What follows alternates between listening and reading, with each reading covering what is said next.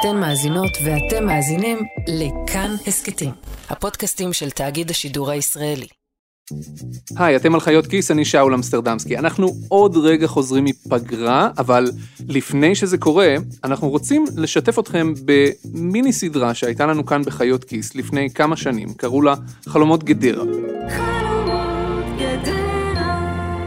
במסגרת הסדרה הזאת בעצם עקבנו אחרי הזכייה שלי בתוכנית מחיר למשתכן, שאז הייתה תוכנית הדגל של מי שהיה שר האוצר, משה כחלון. הסדרה הזאת לקחה אותנו לכל מיני מקומות, לגדרה, אבל גם למקומות נוספים, ואנחנו רוצים לשתף אתכם בפרקים האלה של הסדרה, גם כי יש מאזינות ומאזינים שלא הכירו את הסדרה הזאת ותמיד כדאי, וגם בגלל שהפרק שאיתו אנחנו נחזור מהפגרה ביום רביעי, יהיה פרק הריוניון הגדול של אותה סדרה, של חלומות גדרה. אז בימים הקרובים אנחנו נעלה כל יום שני פרקים של הסדרה ההיא, חלומות גדרה, בשביל שתוכלו להגיע מוכנים לפרק הריוניון הגדול, שיעלה ביום רביעי.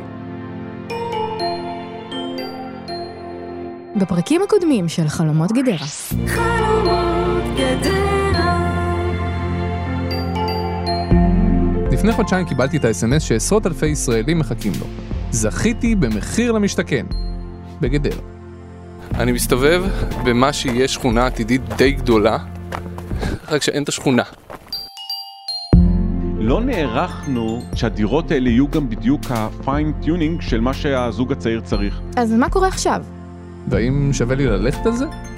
חלומות גדרה, מבית חיות כיס. חלומות גדרה.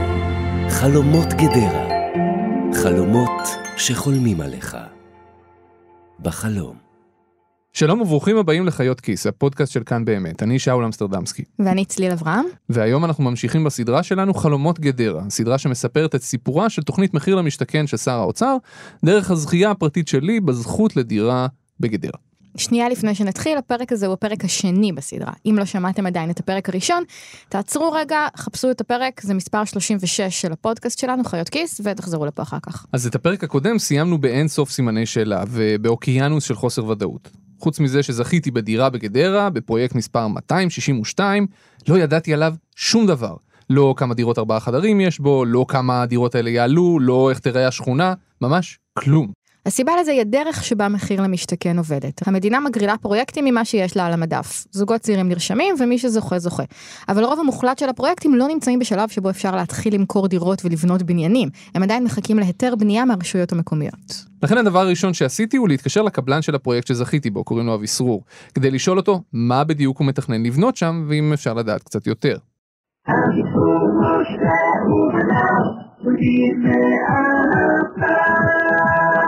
שלום וברוכים הבאים לאביפור משה ובניו. בוקר טוב. שלום, בוקר טוב. אה, אני זכיתי בדירה בפרויקט מחיר למשתכן בגדרה שלכם, ורציתי לדעת אם. אני אעביר אותך לדגנית, עוד מעט בבקשה. תודה. את מי רוצים? שלום, בוקר טוב. בוקר אור. לי קוראים שאול, אני זכיתי בדירה בפרויקט שלכם אה, בגדרה. אוקיי, אני אעביר אותך לדגנית. תודה. מבאר שבע, אשקלון, אשדוד, ירושלים, מודיעין, אביסרור. שלום, אני מחפש את מה, גנית. היא עדיין לא ענתה לך? לא. לא, שנייה רגע. משה ובניו. יד נוי. הלו? שלום, גנית. לא, לא דגנית, היא בבדיקה, אני עושה... אה. כן, אז זה לא כל כך עבד. אבל אז, באיזה בוקר מקרי לפני שלושה שבועות, פתאום צלצל הטלפון. הלו? שלום שאול, שלום? מה שלומך? טוב, מי זה? מדבר אלירן, אני אה, ראיתי את ה... שמעתי, שמעתי וקראתי את הכתבה על אה, מחיר למשתכן. כן, אה, קודם כל אה, יפה מאוד וממצה מאוד. תודה. גם אני זכיתי בפרויקט והעלינו את הכתבה הזו בקבוצת וואטסאפ הגדולה של כל הזוכים. יש קבוצה כזאת? אוקיי. יש קבוצת פייסבוק גדולה לכל... הבחור הזה, לירן, שאל אותי אם הוא יכול לתת את המספר שלי לאיזו מישהי שמבינה בזה, ואחרי כמה דקות קיבלתי פתאום הזמנה להצטרף לכמה קבוצות זה לא וואטסאפ. הזמנות, פשוט מצרפים אותך. לא, לא, אז תקשיבי, יש הזמנות. באמת? בוואטסאפ. זה חדש. אני לא יודע מה זה. אחת של אה, כל השכונה החדשה שנבנית בגדרה, ואחת קצת יותר אינטימית שנקראת פרויקט 262 גדרה, עם אימוג'י כזה של ידיים שפרוסות לצדדים, שאני לא סגור על מה הוא אומר. וגם קיבלתי הזמנות לכמה קבוצות בפייסבוק. וככה נכנסתי לעולם התת-קרקעי, שלא ידעתי בכלל שיש, של מחיר למשתכן. מסתבר שיממה בערך אחרי שמתפרסמות התוצאות של ההגרלות ואנשים מקבלים הודעה באיזה פרויקט הם זכו, כבר נפתחות כל הקבוצות האלה, ואנשים מתחילים להציף אחד את השני בשאלות לגבי מחסנים, וגודל המרפסות, וגודל המעלית, וכל מיני דברים כאלה. כנסי שנייה אחת לפייסבוק, בסדר? לכי לשורת החיפוש, תכתבי זוכי אה, פרויקט, ותגידי לי מה את מוצאת. זוכה מחיר למשתכן קריית שמונה, הגרלה 162, זוכה מחיר למשתכן יבנה נאות שמיר, זוכה מחיר למשתכן מודיעין, זוכה מחיר למשתכן 157 ראש העין פרויקט גינדי באזור B, זוכה מחיר למשתכן גליל ים הרצליה, זוכה מחיר למשתכן 227. יפ. אוקיי, אז מה הם עושים שם בקבוצות האלה? או, הקבוצות האלה נפתחות במטרה להפגיש בין כל מי שהולכים להיות בעצם שכנים לעתיד, סוג של שכונת חיים רק בוואטסאפ, להציף כמה שיותר מהר סוגיות שנראות לאנשים בעייתיות, ולהחליט על כיוון הפעולה המתאים. שזה אגב די מדהים, כי כבר בשלב הזה יש אנשים שיש סוגיות שנראות להם בעייתיות, עוד לפני שאני הבנתי בכלל מה זה ומי זה. כל ידיעה למשל שמתפרסמת בכלכליסט או בגלובס, על זה שזה קבוצת זוכים ביבנה או חדרה או ביר כפכפה הצליחה לכופף את הקבלן ולהוציא עוד איזה מחסן, הופכת להיות הנושא הכי חם באותו יום בכל הקבוצות האלה. זה כמו ממזון, רק של נדל"ן באזור נורא נורא ספציפי. זה נשמע שיש פה משהו יותר עמוק. כאילו, האנשים האלה עומדים לבד מול כל המנגנון של מחיר למשתכן. הם לבד מול הקבלן, יש להם חוזה שהם צריכים להחליט תוך 45 דקות, קחו או לכו. אבל כשהם מקימים קבוצה ומגישים התנגדויות ביחד לוועדת התכנון, מסתבר שזה לא כזה סגור, וכן אפשר להוציא איזה מחסן. מה שאמרת מתכתב גם עם דברים שאמר לי בפעם הקודמת בני דרייפוס, המנכ"ל משרד השיכון והאיש שמנהל את תוכנית מחיר למשתכן. הוא אמר משהו כזה, אנחנו המדינה המצאנו את המחיר למשתכן הזה, ובעצם הבאנו לכל קבלן במתנה רשימה אדירה של רוכשי דירות. ועכשיו בעצם כוח המיקוח הוא אצל הקבלן, לא אצל הרוכשים. הוא לא צריך לרדוף אחרי אנשים שיקנו את הדירות, הם פשוט מסודרים לו מאוד יפה באקסל. נוצר מצב שהוא הוא קצת אבסורדי. מבחינת המדינת ישראל השקענו הרבה מאוד כסף כדי שהדירה תהיה במחיר סביר, אבל בעצם נוצר שאתה הצד החלש.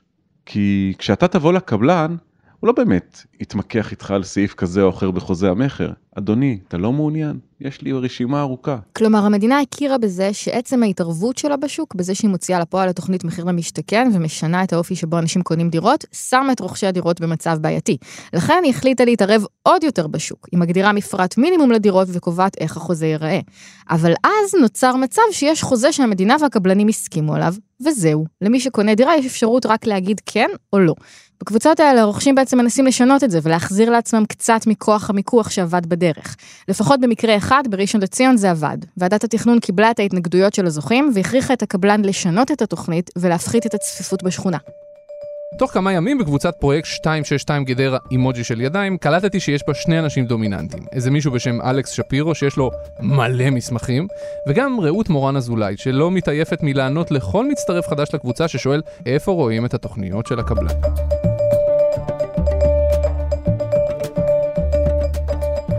טוב, יום שישי בבוקר, אני בגדרה, הגעתי לפגוש את רעות.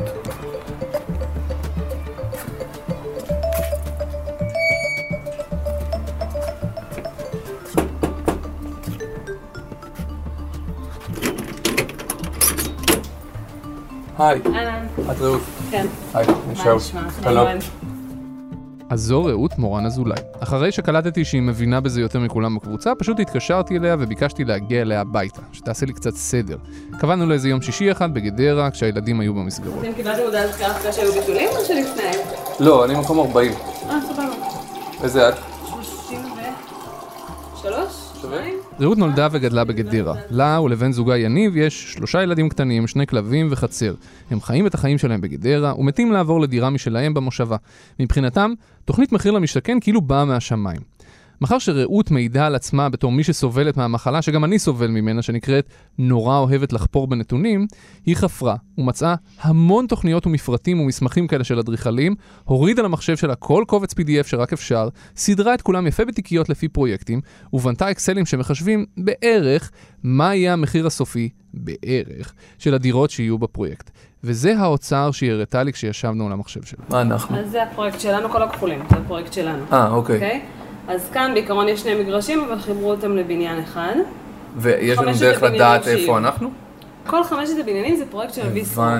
רק כשרעות הראתה לי את התוכניות והמפרטים, זו הייתה הפעם הראשונה שהבנתי איך הולכת להיראות השכונה שאני הולך לגור בה. והיא הולכת להיראות לא משהו.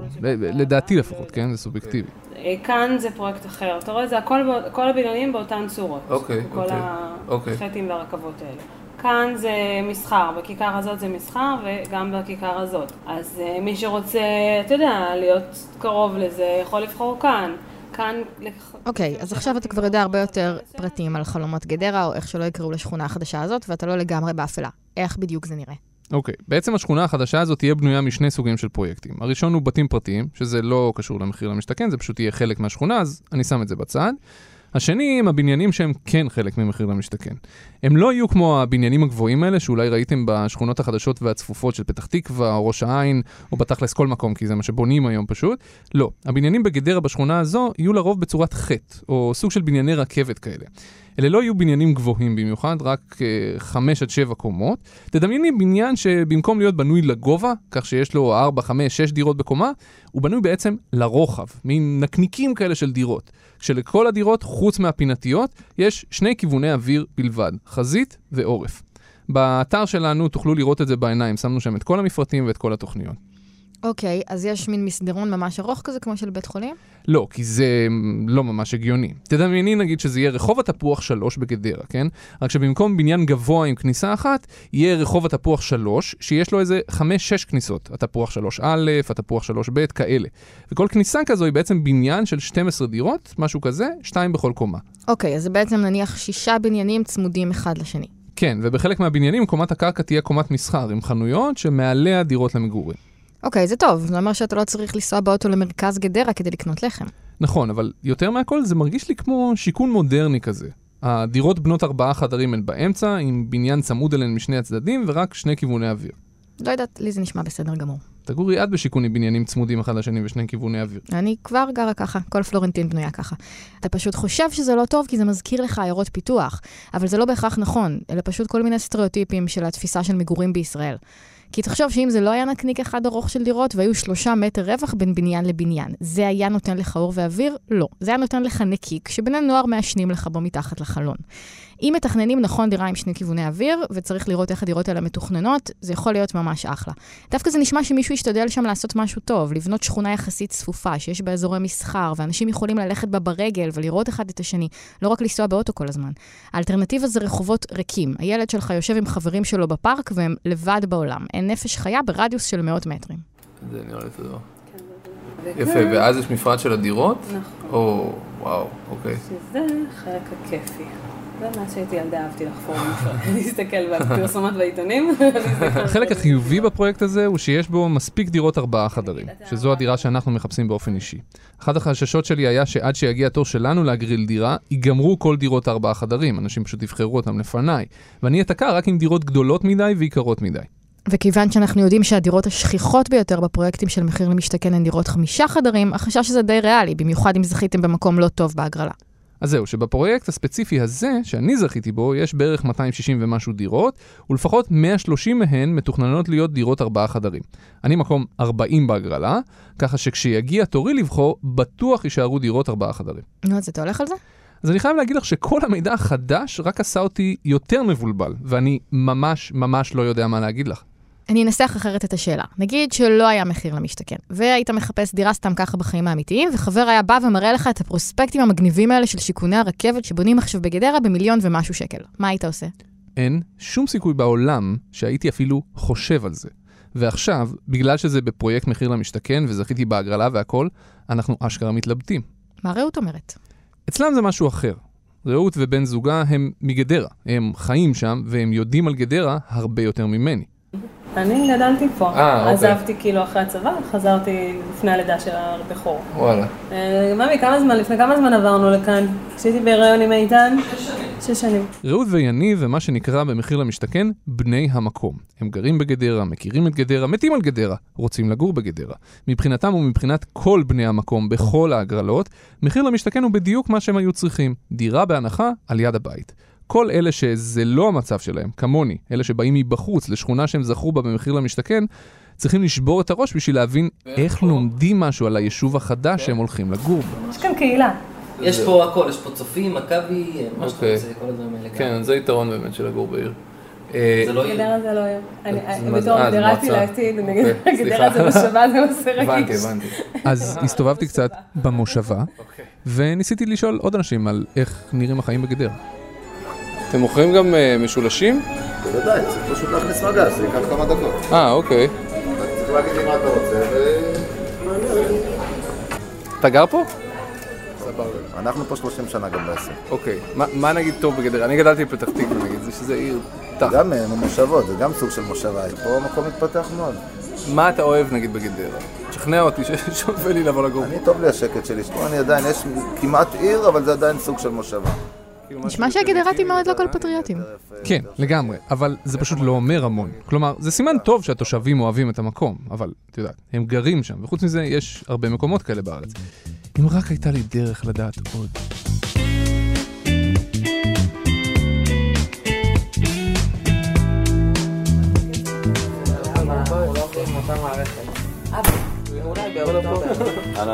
אוקיי. אנחנו, יש כאן נציגים בעצם מכל הפרויקטים אה, של המחיר למשתכן. אה, היו לנו כל מיני שאלות שמשותפות לכל... החבר'ה מקבוצות הוואטסאפ עשו סקר, גם בוואטסאפ, גם בפייסבוק, לראות מה השאלות שהכי מטרידות את הזוכים בפרויקטים. קבעו פגישה עם ראש המועצה, סליחה, ראש המושבה, יואל גמליאל, שזה מי ששמעתם ברקע, הדפיסו לו את השאלות, קבעו מפגש, ובאו לשמוע מה התשובות שלו. לגבי גובה ארנונה זה יהיה שונה מגדרת צעירה? אותם... בגדרה אין הבדלים בארנונה בין השכונות, תגידי, נכון? אתם ישבתם ככה במה... כן, אתה לא יודע מה הולך, יואל? אתה לא יודע מה הולך בקבוצות. בגדרה משלמים אותו דבר. המיליארדרים, העניים, ואז זה אותו מחיר. היינו אצל ראש המועצה בערך 45 דקות. החבר'ה העלו את כל החששות שלהם, ואני מתכוון, את כל החששות. שאלו מה היו תעריפי הארנונה, 41 שקלים למטר, שתדעי, בכל גדרה, בלי אזורים שונים, גם המיליארדרים, גם העניים. ואיך אפשר לקבל את התוכניות מהוועדה המחוזית? אי אפשר. ולמה צועקים עליהם בוועדה כשהם מתקשרים לברר מידע? ככה. וכמה קומות הולכות להיות בבניינים? עד שבע. ואפילו שאלו אם בחנויות למטה, בשטחי המסחר שבקומת הקרקע של חלק מהבניינים, תהיה פיצריה או לא. יש כל מיני אנשים שחוששים נגיד מפיצריה והדירה אז אני. אגיד לך למה מה, הקבלן? שלנו למה איפה אתה פיצריה- ברשימה? פיצריה תהיה שם, ואנחנו מקווים זה שתהיה משנה, שם. תבחר כמה אתה רוצה, הרי... זה לא העניין. כשזה אוכל, אז זה מביא... אז אה, צריך לקחת דברים. בחשבון, כי יש שם אוכל, זה הדבר שהכי משתלם. אז הקבלן. אצלנו אמר... שהוא לא מוכן שהוא לא שם. מוכן והוא יגביל. אני בעד הפיצה, נשמע לי ממש כיף. מה עוד? נגיד השנה עכשיו היא 2021, ואתה קם בבוקר בדירת הרכבת שלך בגדרה. מה קורה? אני כנראה צריך ללכת לעבודה. אז לגבי תחבורה, הבנתי מהתושבים שאם אני רוצה להגיע למשל לתל אביב, לפה, לתאגיד, בתחבורה ציבורית, יש שלושה שאטלים מהכניסה לגדרה עד לתחנת הרכבת ביבנה, אבל בשעות מוקדמות מדי שאני לא בהכרח יוצא בהן מהבית, ומשם בכל מקרה צריך לקחת רכבת לתל אביב, וכל הסיפור הזה לוקח לפחות איזה שעה וחצי. ראש המועצה אגב טוען שאין פקקים ביציאה מגדרה, כי יש בין 6 ל-7 יציאות מהמושבה, שלטענתו זה נדיר, אבל עדיין לא בדקתי בעצמי. מה שעוד אני יודע זה שלא יהיו בשכונה גני ילדים חדשים, כי מסתבר שיש מספיק בגדרה, ובתכלס הילדים שלי כבר מספיק גדולים. בתי ספר זה עניין שלא הבנתי עד הסוף, כנראה שיש מספיק בגדרה, ואולי יהיה עוד תיכון שזה עדיין לא רלוונטי לילדים שלי, ויהיה בית ספר יסודי של חב"ד, שגם זה לא רלוונטי אליי. כששאלתי למה, אגב, אמרו לי שכבר יש קהילה של חב"ד בעיר, ופשוט בונים מבנה קבע לילדים שלה. אוקיי, מה שאתה מתאר זה פשוט אורח חיים רגיל של פרבר בישראל. זה לא כזה משנה אם זה בגדרה או בבאר יעקב או בטבעון. זה אומר לקום מוקדם מאוד בבוקר, לקחת את הילדים לבית ספר, להיות שעה, שעה ורבע על הכביש, ואז לחזור הביתה, לקחת אותם חזרה מבית ספר, לרדת לפארק או לפיצה, ולמחרת לעשות בדיוק אותו דבר. וכל הזמן הזה לשלם הרבה מאוד משכנתה. וגם זה בין הדברים שאני עדיין לא יודע, מה יהיה מחיר הדירה. אחרי החישובים של רעות, שמתבססים על המטראז' המאוד מדויק של הדירות כפי שהן מופיעות בתוכניות, אני יכול להעריך שזה איפשהו בין מיליון שקל ל-1.3 מיליון שקלים לדירת ארבעה חדרים של 106 מטר. זה אומר שאני צריך לקחת משכנתה של מיליון שקל פלוס מינוס, ומבחינתי לפחות זה חתיכת סכום. לפי כל הסימולציות שעשיתי, זה אומר החזר משכנתה יותר גבוה ממה שאני משלם היום על שכירות. ואל תשכחי שתהיה לי תקופה לא מבוטלת שבה אני אצטרך לשלם גם את זה וגם את השכירות שלי. בשורה התחתונה, אם תצמידי לי אקדח לרקה ותשאלי אותי, בא לך לעבור לגור שם או לא? התשובה כנראה תהיה לא. יש הרבה אנשים שנמצאים במצב הזה, הם זכו במחיר למשתכן, אבל הדירה שהם זכו בה לא באמת תשפר את איכות החיים שלהם בשום צורה, לא מבחינת תחבורה, לא מבחינת תעסוקה, מוסדות חינוך, כל הדברים האלה. אבל הם לא רוצים לוותר על ההזדמנות לקנות דירה בהנחה ענקית, אז הם אומרים, טוב, נקנה להשקעה ונשכיר. אף אחד לא יודע כמה מהקונים הם כאלה, אף אחד לא יודע מה יקרה כשבבת אחת ישתחררו נניח 200 דירות להשכרה בגדרה, ואם יש ביקוש לכל הדירות האלה. בשביל להחליט לגבי זה, אני מרגיש שאני צריך לדעת יותר על שוק השכירות בגדרה למשל, ואני לא יודע מספיק. כל מה שאני יודע הוא מה שרעות אמרה. זה גם מפחיד אותי, שאם בסוף, אה, אני לא רוצה לגור פה ואני אזכיר, כולם יזכירו והמחיר... אה, אם כולם הזכירו המחיר ירד, תראה, כרגע יש כאן מצוקת- שכירות בגדרה. באמת? כן.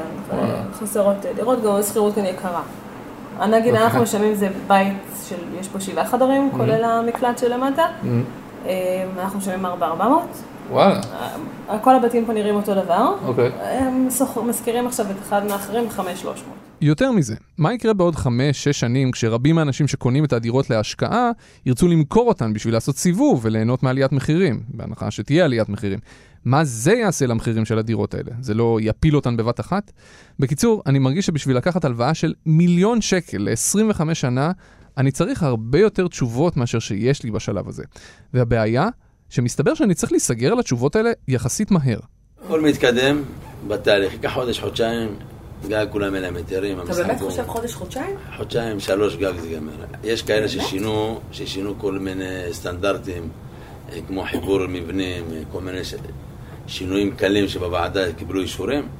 זה בערך זה מה שיקרה, זה תלוי בהם, אבל אם הם יגישו לפי, תראו, אני בין המקומות היחידים בארץ שסיימתי את הפיתוח. נכון. אנחנו, אתם, אה, ברגע שהוא בונה שנתיים, יש לכם את המפתח. שבועיים מיום קבלת ההיתר מזמינים אותנו לכנס מתעניינים, ושבועיים אחר כך אני כבר צריך להגיע לבחור דירה תוך 45 דקות ולשלם 7% מהעלות שלה. מה שאומר שאנחנו חייבים, חייבים להחליט כבר אם אנחנו הולכים על זה או לא. רעות ממש הכניסה אותי ללחץ מהעניין הזה. נפגשת עם יועץ משכנתאות? לא. מה, כבר? כן. וכולם, כל מי שאני שומעת שמדברת איתו אומר את אותו משפט, כשזה מתחיל זה רץ. תחשוב שעושים כנס. שבועיים אחר כך כבר מגיעים כן. ל- לבחור דירה. מה תספיק בשבועיים? יש לנו ילדים, יש לנו עבודה. מה כבר מספיקים בשבועיים? כמה זמן פנוי יש לנו בשבועיים לעשות את הדברים האלה? בקיצור זה הולך ככה, חלק מהמשכנתה אני יכול לקחת מסתבר בסבסוד של המדינה, רק שבשביל זה אני צריך להוציא תעודת זכאות, ובשביל להוציא תעודת זכאות אני צריך להביא אישור על שירות בצה"ל, ולאף אחד אין אישור כזה בשלוף, אז צריך לבקש אותו מצה"ל. ועד שהם שולחים לך את זה, זה לבד לוקח איזה שלושה שבועות, וצריך עוד איזה אישורים ממשרד הפנים וכאלה, זה לוקח זמן. ומאחר שגם סקר שוק בין הבנקים לוקח בעצמו זמן, ואין המון המון זמן, כי מרגע קבלת היתר בנייה, ועד שיש לי 45 דקות לבחור דירה מול הקבלן, יש בסך הכל ארבעה שבועות, יוצא שכבר עכשיו אני צריך להתחיל להתעסק עם כל האישוריאדה הזאת של המשכנתה, עוד לפני שהחלטתי אם לקנות את הדירה או לא. אז כדאי שתתחיל. בפרקים הבאים של חלומות גדרה.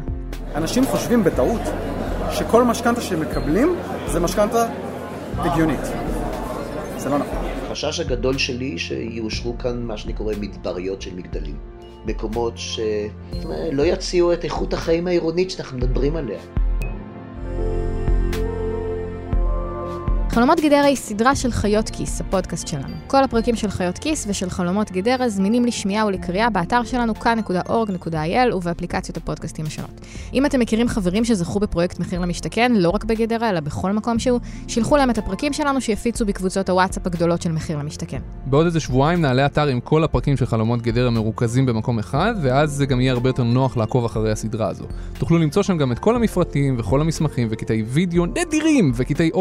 יותר נדירים שלא הצלחנו להכניס לפרקים עצמם. תודה רבה לעורך והמפיק שלנו רום אטיק, תודה לטכנאי ההקלטה אסף רפפורט, תודה רבה למור סיוון על האות החדש של חלומות גדרה, תודה רבה שאול אמסטרדמסקי. תודה רבה צליל אברהם, תודה רבה לרעות אזולאי מורן שהכניסה אותי לבית שלה, תודה רבה לכם שהאזנתם, ניפגש בפרקים הבאים של חלומות גדרה. חלומות גדרה. חלומות שחולמים עליך. בחלום.